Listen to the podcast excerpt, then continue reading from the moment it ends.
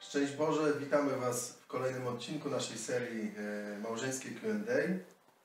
Dzień dobry, szczęść Boże. Dzień dobry, witam wszystkich.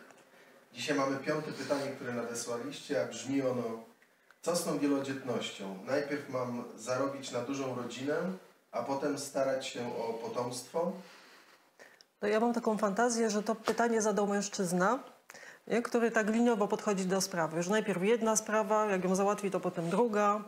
No i potem może czasu nie starczyć, nie? bo w zależności od tego, jaki mamy apetyt, tak długo będziemy się dorabiać, no i potem już 35 stuknie tak i, więcej. No i y, to nasze zdrowie, biologia no może nie, nie współdziałać z tymi planami. Jest tak, że co każde pokolenie opóźnia się moment decyzji y, o, o pierwszym dziecku.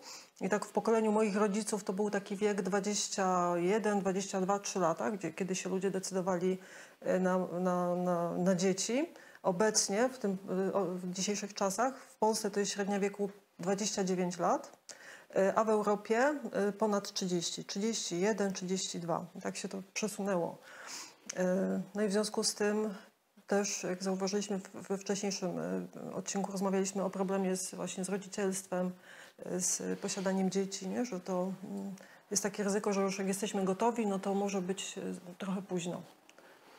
Myślę też, y, że, no bo w tym pytaniu jest y, pytanie o wielodzietność, no nie? I to jest chyba bardzo indywidualna kwestia. Oczywiście tam socjologicznie i psychologicznie, w sensie naukowym można to jakoś tam zapewne statystycznie określić, ale myślę, że to jest bardzo kwestia indywidualna, czy nie wiem, trójka dzieci to już jest wielodzietność dla kogoś, czy dopiero piątka, czy szóstka, nie? Więc y, y, myślę, że to, to- jest kwestia y, dogadania się rodziców, co jest dla nich wielodzietnością, jak oni ją rozumieją i y, chodzi generalnie chyba o mądrość taką życiową, nie? Na, na co nas stać. Nie, nie, nie tylko kwestia właśnie finansowa, dorobieniowa ale też taka psychologiczna, znaczy dojrzałości, na ile jesteśmy w stanie udźwignąć no, wychowanie kolejnych, kolejnych ludzi, żeby rzeczywiście ich wychować, a nie tylko ich mieć, nie?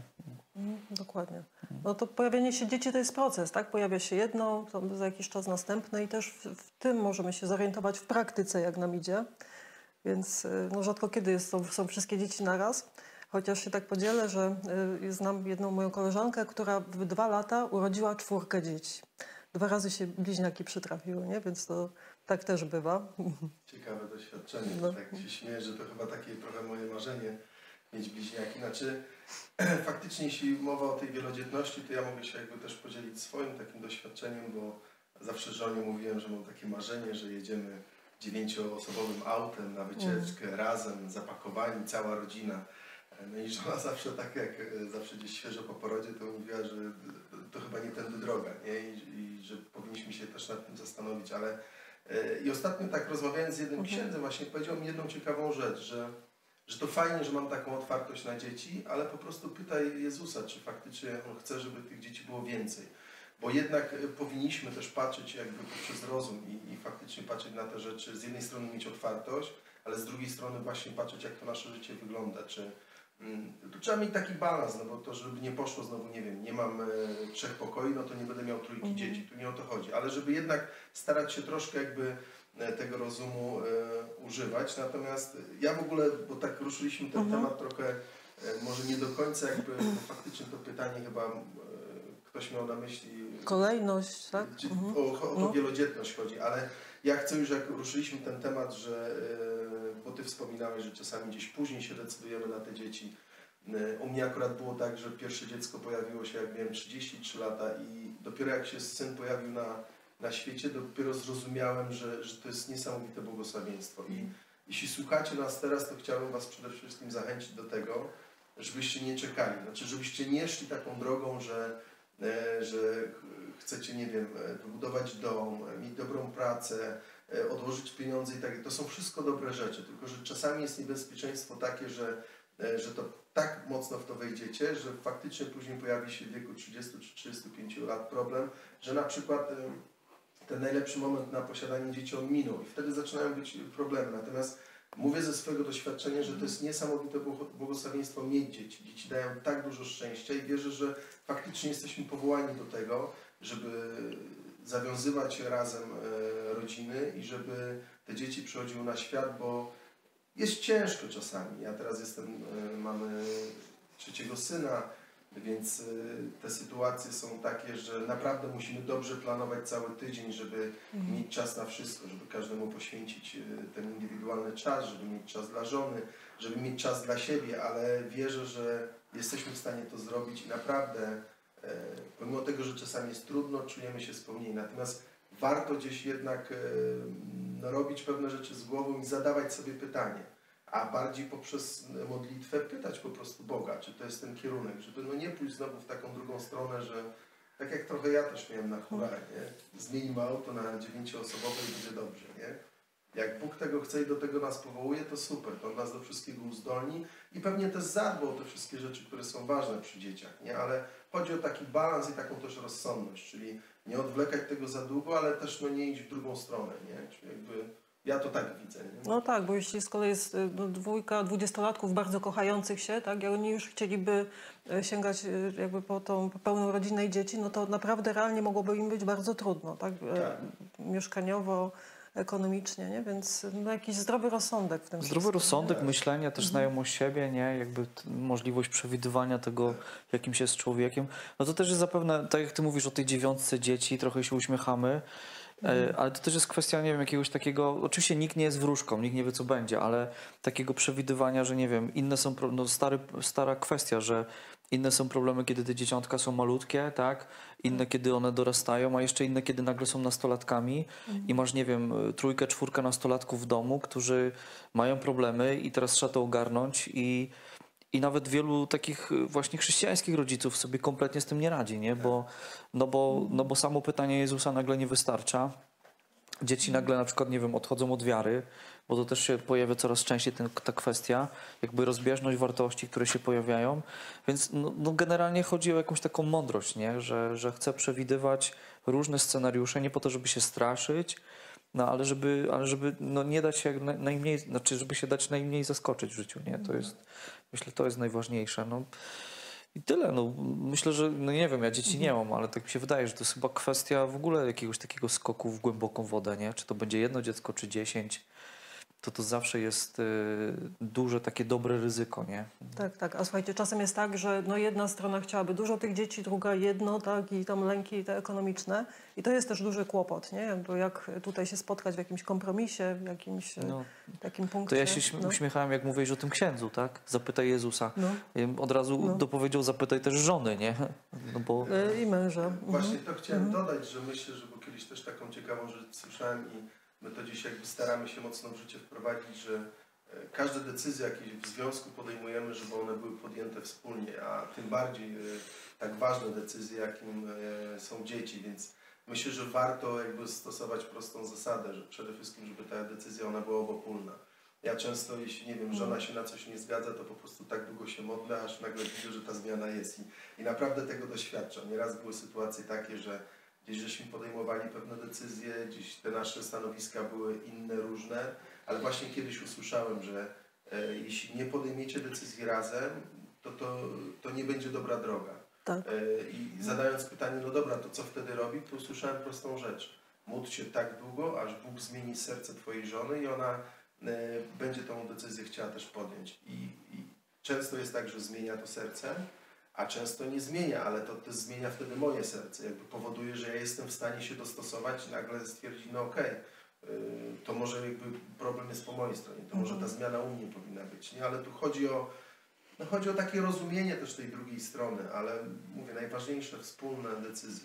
Nie? Znaczy, no chyba nie da się inaczej w małżeństwie, nie? Znaczy, to będzie gwałt po prostu. Tak, nie? No, zmuszanie, nie? no, to jest zmuszanie, nie? Więc jakby to jest oczywista rzecz, nie? Że jeżeli jesteśmy razem, no to nie ma decyzji ważnych w życiu bez y, zgody z drugiej strony, no bo to jest Saigon, nie? Jakiś Mhm. totalny. Tak, tylko mówisz Grzegorz o rzeczy, która no z jednej strony tak, y, wspólne decyzje i jest czymś normalnym, ale tak naprawdę sam wiem ze swojego doświadczenia, że jak kiedyś jeszcze przed nawróceniem te decyzje często one nie były wspólne, tak? No tak, no ale jakby wtedy dzieje się zło, nie? No nie- nie byliście tak. w jedności, Tak, nie? więc, No. więc tutaj jakby no, warto o, tej, o tą jedność walczyć i nad nią pracować, ale zawsze gdzieś no, punktem wyjścia jest to nasze serce i, i zrozumienie, czy ja jednak chcę być jako to jedno ciało.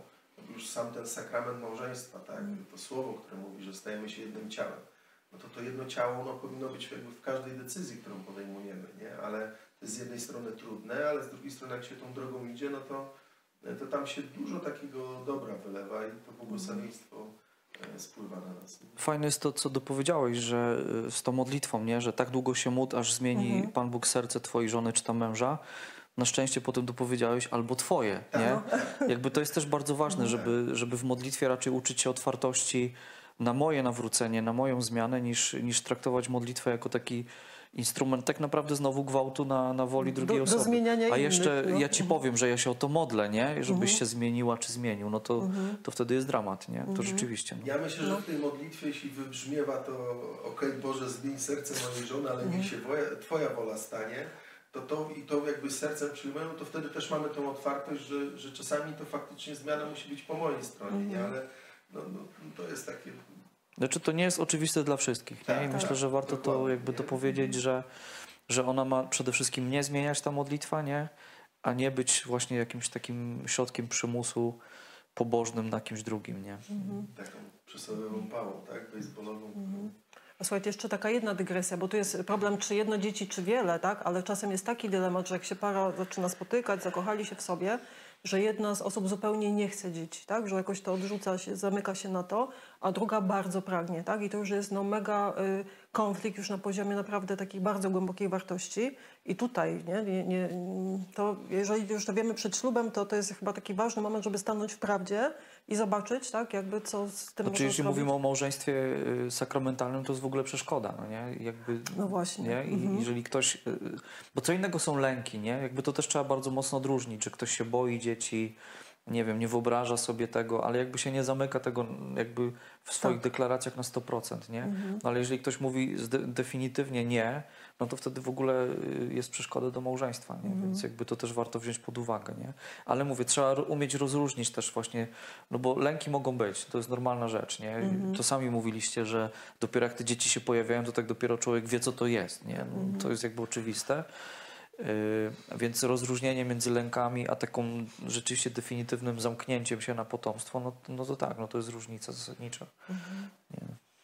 Okej, czyli co podsumowując, y, na pewno otwartość jest dobra, ale też jakby w, y, nałożony na to rozum i, i te możliwości, no i na pewno podjęcie tych decyzji wspólnie razem, tak? Tak, i jednak być może równoległość tych procesów, tak, że równolegle można i dbać o pewien rozwój taki tutaj, nie wiem, ekonomiczny, tak, y, sytuację materialną y, i mm, o ten rozwój rodziny, tak, że to nie musi być.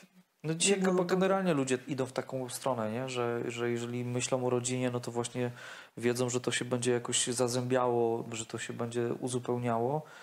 Y, Chyba już dzisiaj nie ma aż takich problemów, że nie wiem, że właśnie tak jak mówiłaś, że młodzi ludzie bardzo chcą się nagle żenić, czy tam za mąż wychodzić i jakby właśnie nie myślą o całym tym zapleczu i jest to takie hop siup. Chyba tego się dzisiaj już coraz mniej spotyka, nie? Więc y, bardziej tak, tak, no tak, po prostu idziemy równolegle z różnymi rzeczami po to, żeby sobie pomagać w tym rozwoju rodziny, niż, y, niż nie wiem, przygotować cały scenariusz, Tak. którego się nie da I przygotować. cele wyznaczać, nie, to jakieś sztuczne.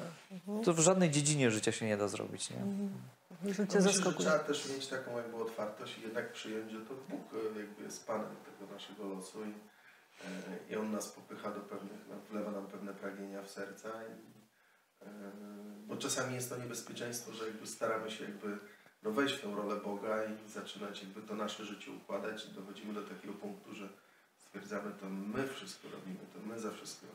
To ja zrobiłem dziecko, to zrobiłem wtedy, kiedy chcę, nie? A, to jest taka droga trochę donikąd. No tak, ale jakby z drugiej strony masz drugie ekstremum, które będzie mówiło, że Bóg chce, żebyśmy mieli kolejne dziecko, nie? I to też jest bardzo niebezpieczna y, retoryka, nie? Że jakby to zawsze jest współpraca y, nasza, no bo, bo, bo to jest ludzkie dziecko, nie? I, I zawsze to będzie owoc miłości czy współżycia po prostu ludzi i y, więc jakby też trzeba uważać w tym, w tym właśnie w jaką retorykę idziemy, nie? Że to tylko jest moje, no, no nie tylko, bo też jest druga strona, choćby nawet to, Tak.